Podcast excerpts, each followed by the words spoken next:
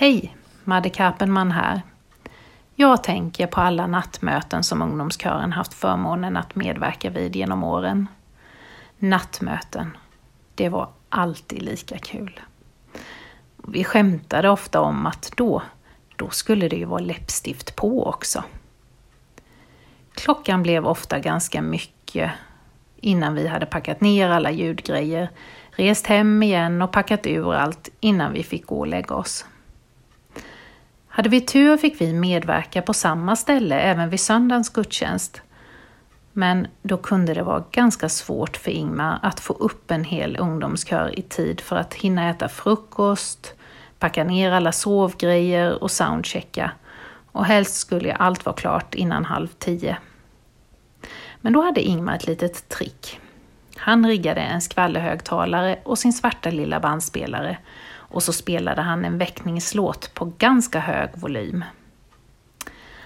Ja, att kalla den en UK-låt är kanske att gå lite utanför boxen, för det är nog ingen som har hört UK sjunga den. Men vi kan väl få kalla den en adopterad UK-låt då. Så UK-are, ni kommer väl ihåg känslan av att vakna upp till Was a sunny day av Paul Simon?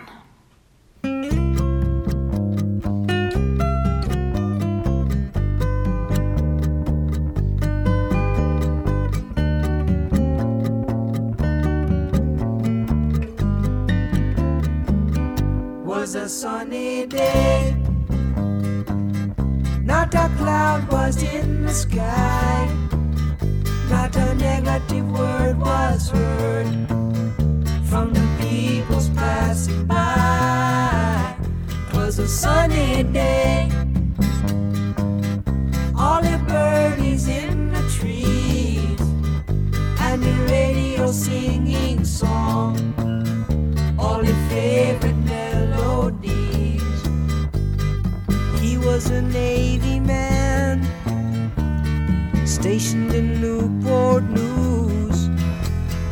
She was a high school queen with nothing really left to lose. She was a high school queen with nothing really left to lose. Was a sunny day.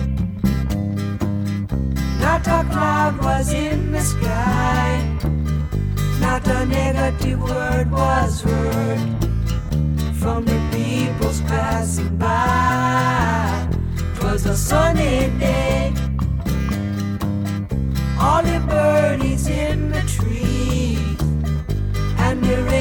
Singing song. All the favorite melodies. Her name was Lorelei.